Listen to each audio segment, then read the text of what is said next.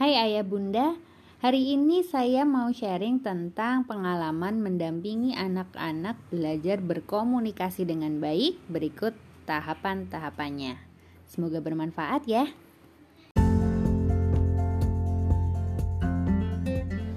Assalamualaikum warahmatullahi wabarakatuh.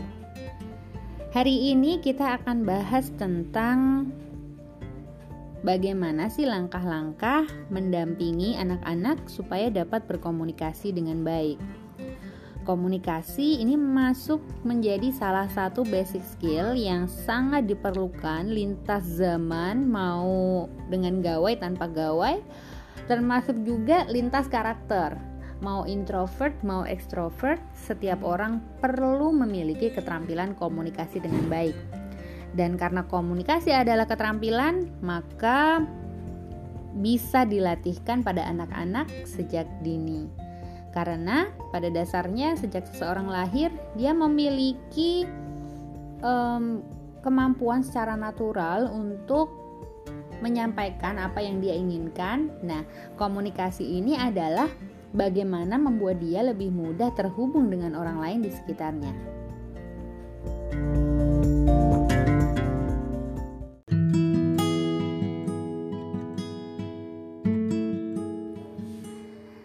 Selanjutnya perlu saya garis bawahi bahwa komunikasi ini tidak sama dengan belajar bahasa. Karena ada yang menyederhanakan belajar berkomunikasi itu sama dengan belajar bahasa tertentu. Atau sebagian orang tua yang merasa, "Ih, anakku di sekolah udah belajar bahasa Indonesia." Berarti otomatis dia sudah ada program belajar komunikasi. Nah, ini kurang tepat ya. Jadi bahasa adalah alat untuk berkomunikasi. Sehingga dalam memilih bahasa pertama atau mungkin nanti ada masanya anak mulai belajar bahasa kedua dan seterusnya, tentang tujuan berbahasa sebagai sarana komunikasi ini juga penting untuk diperhatikan. Nah, sejak kapan kita mulai melatih anak berkomunikasi? Ya sejak pertama kali dia bisa eye contact dengan kita ya sejak bayi um, anak sudah belajar berkomunikasi. Bahkan sejak dalam kandungan banyak penelitian yang menunjukkan bahwa manfaat berbicara dengan janin dalam kandungan ini sangat baik sekali dampaknya pada perkembangan janin di antaranya terkait dalam hal komunikasi bekal-bekal dia berkomunikasi selanjutnya.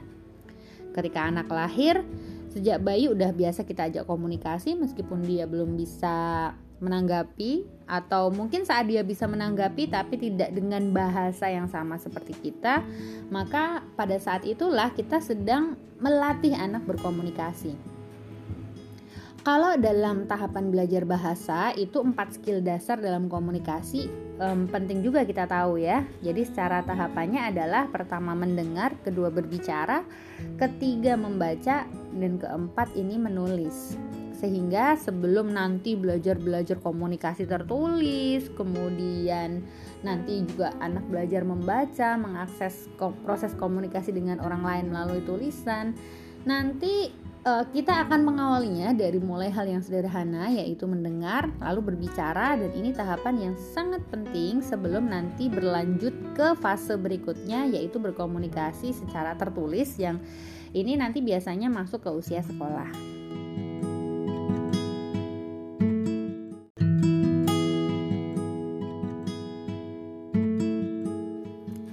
Tahapan yang pertama adalah mendengar.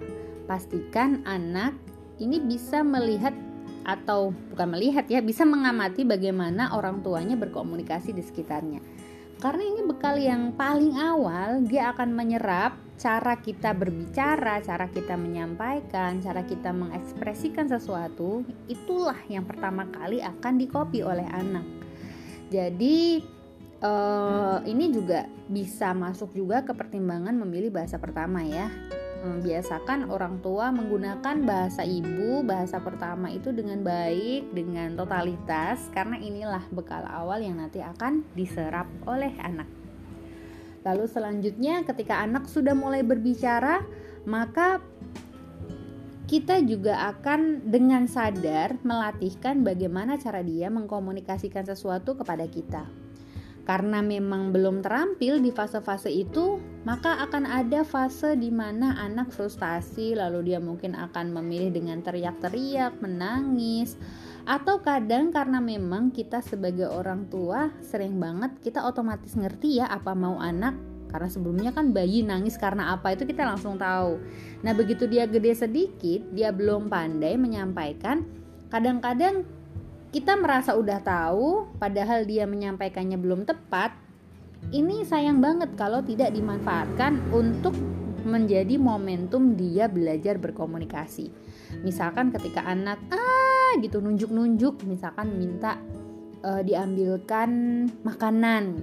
Misalkan ada roti di atas piring terus habis itu anak teriak-teriak ah gitu maka Orang tua bisa membantu dia memberitahu cara mengekspresikan dengan tepat. Oh, adek mau roti ya? Bilang yuk, ibu, adek mau roti atau ibu minta tolong ambilkan roti. Nah, nanti ketika anak memang sudah berbicara, bisa ditunggu sampai anak menyampaikan itu baru kemudian ibu mengambilkan sesuai dengan yang dia harapkan. Ini penting karena sering kali ya fase tantrum itu susah selesai karena memang anak tidak dibekali keterampilan untuk menyampaikan keinginannya dengan jelas dan orang tua iya-iyain aja gitu padahal sebenarnya anak sudah mampu untuk dilatih mengkomunikasikan apa yang dia mau.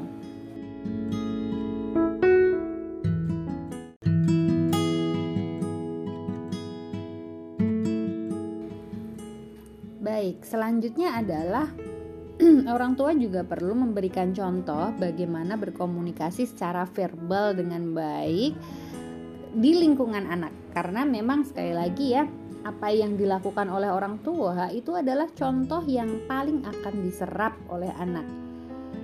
Saya sering refleksi misalkan tiba-tiba anak-anak itu makin banyak teriak-teriak ketika ngingetin saudaranya atau misalkan ketika menegur atau ketika minta sesuatu dia pakai nada tertentu biasanya saya nge-freeze sebentar dan ya memang dari mana lagi dia dapat seperti itu kalau bukan dari kita. Maka cari cara paling mudah untuk mengubah mereka misalnya udah terlanjur keliru atau misalkan mau membiasakan anak dengan pola komunikasi tertentu maka mulailah dari mengubah komunikasi kita termasuk di dalamnya mungkin gestur juga, intonasi juga ya, eye contact juga. Ini kita lah yang nanti akan menjadi model pertama bagi anak-anak.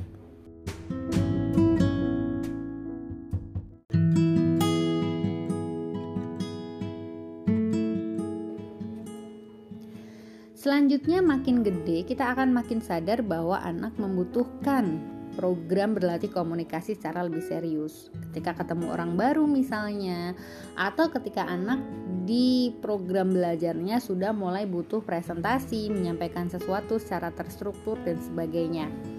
Kalau saya biasanya, kalau yang komunikasi interpersonal ya, saya biasanya akan mencari kesempatan di mana anak bisa berkomunikasi dengan orang lain, maka kesempatan itu akan benar-benar kami gunakan untuk melatih anak berkomunikasi. Contoh sederhana, ketika misalnya ada paket atau Gojek datang ke rumah, maka saya akan mencari anak siapa yang kira-kira bisa diminta untuk menerima paket dari Pak Gojek. Karena meskipun kayaknya sederhana ya, dari nerima paket saja kan itu sarana juga berlatih untuk berkomunikasi dengan baik. Misalkan nanti tanya sudah bayar atau sudah dibayar atau belum paketnya, atau misalnya konfirmasi benar atau enggak itu rumah siapa bahkan sampai mengucapkan terima kasih kepada pengantar paket atau Gojek ini juga menjadi bagian dari sarana belajar atau misalkan suatu ketika pergi ke kebun binatang, ke petugas tiket atau waktu ke pasar membeli sesuatu, dia kita minta berkomunikasi tertentu dengan penjualnya, dengan Pak parkir ya dan sebagainya dan sebagainya. Ini ketika ada kesempatan dia berkomunikasi dengan orang, kita ambil kesempatan itu, kita ambil momen latihan itu. Apalagi ketika kita di situ kita bisa mendampingi. Jadi tahapannya itu mulai dari yang sederhana-sederhana dulu, dari aktivitas-aktivitas yang sebenarnya kan berulang ya, bilang terima kasih atau misalkan tanya tempat atau misalnya tanya jam tutupnya toko jam berapa ini anak-anak bisa dilibatkan dan itu bisa jadi sarana kita melatih anak berkomunikasi interpersonal dengan orang lain.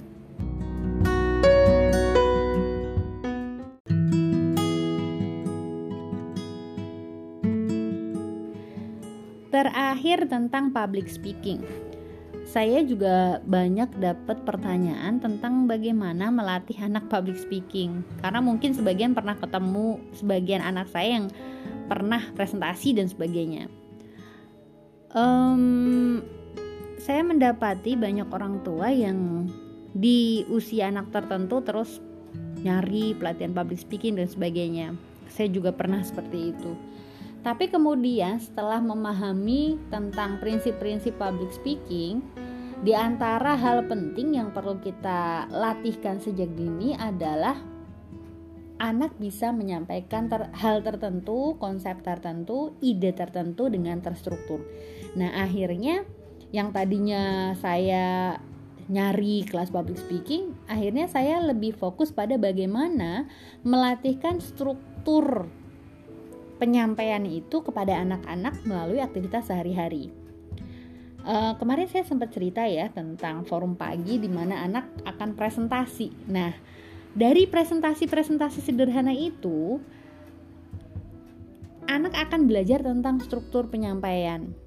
Ya, bisa juga dilatih um, ketika ditanya apa hal yang paling berkesan kemarin, kan sebenarnya konten presentasinya kan apa peristiwa apa yang berkesan, kenapa itu berkesan dan pelajaran apa yang diambil. Nah, selanjutnya tinggal ditambah aja tuh opening sama closing kan. Anak akan diminta untuk mulai dengan salam Assalamualaikum warahmatullahi wabarakatuh. Hari ini saya akan menyampaikan tentang pengalaman yang berkesan di hari kemarin.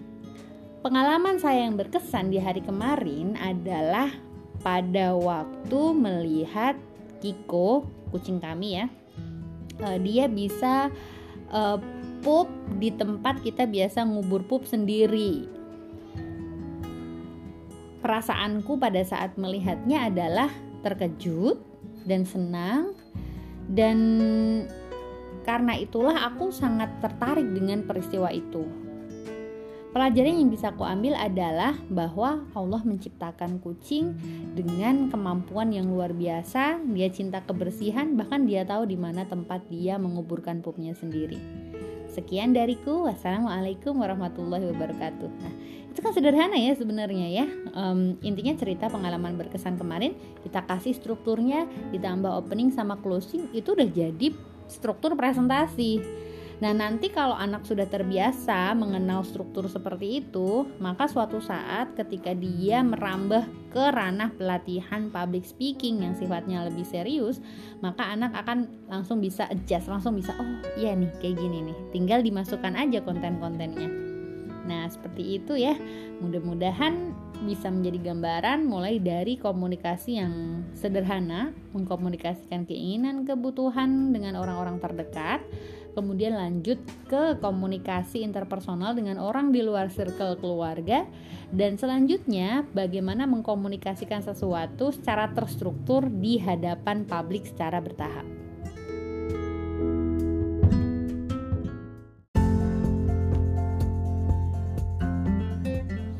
Baik demikian sharing singkat saya hari ini. Mudah-mudahan bermanfaat. Dan itu tadi beberapa hal yang saya praktik uh, sebenarnya rada-rada random juga ya uji coba dan sejauh ini masya Allah ternyata cukup membantu untuk anak-anak bisa lebih komunikatif mulai dari kami di sekitarnya dan juga kepada orang-orang lain secara bertahap. Komunikasi ini akan menentukan seberapa baik kualitas interaksi kita dan dengan komunikasi mudah-mudahan pintu kebaikan, pintu kemanfaatan dan pintu-pintu belajar selanjutnya terbuka semakin lebar.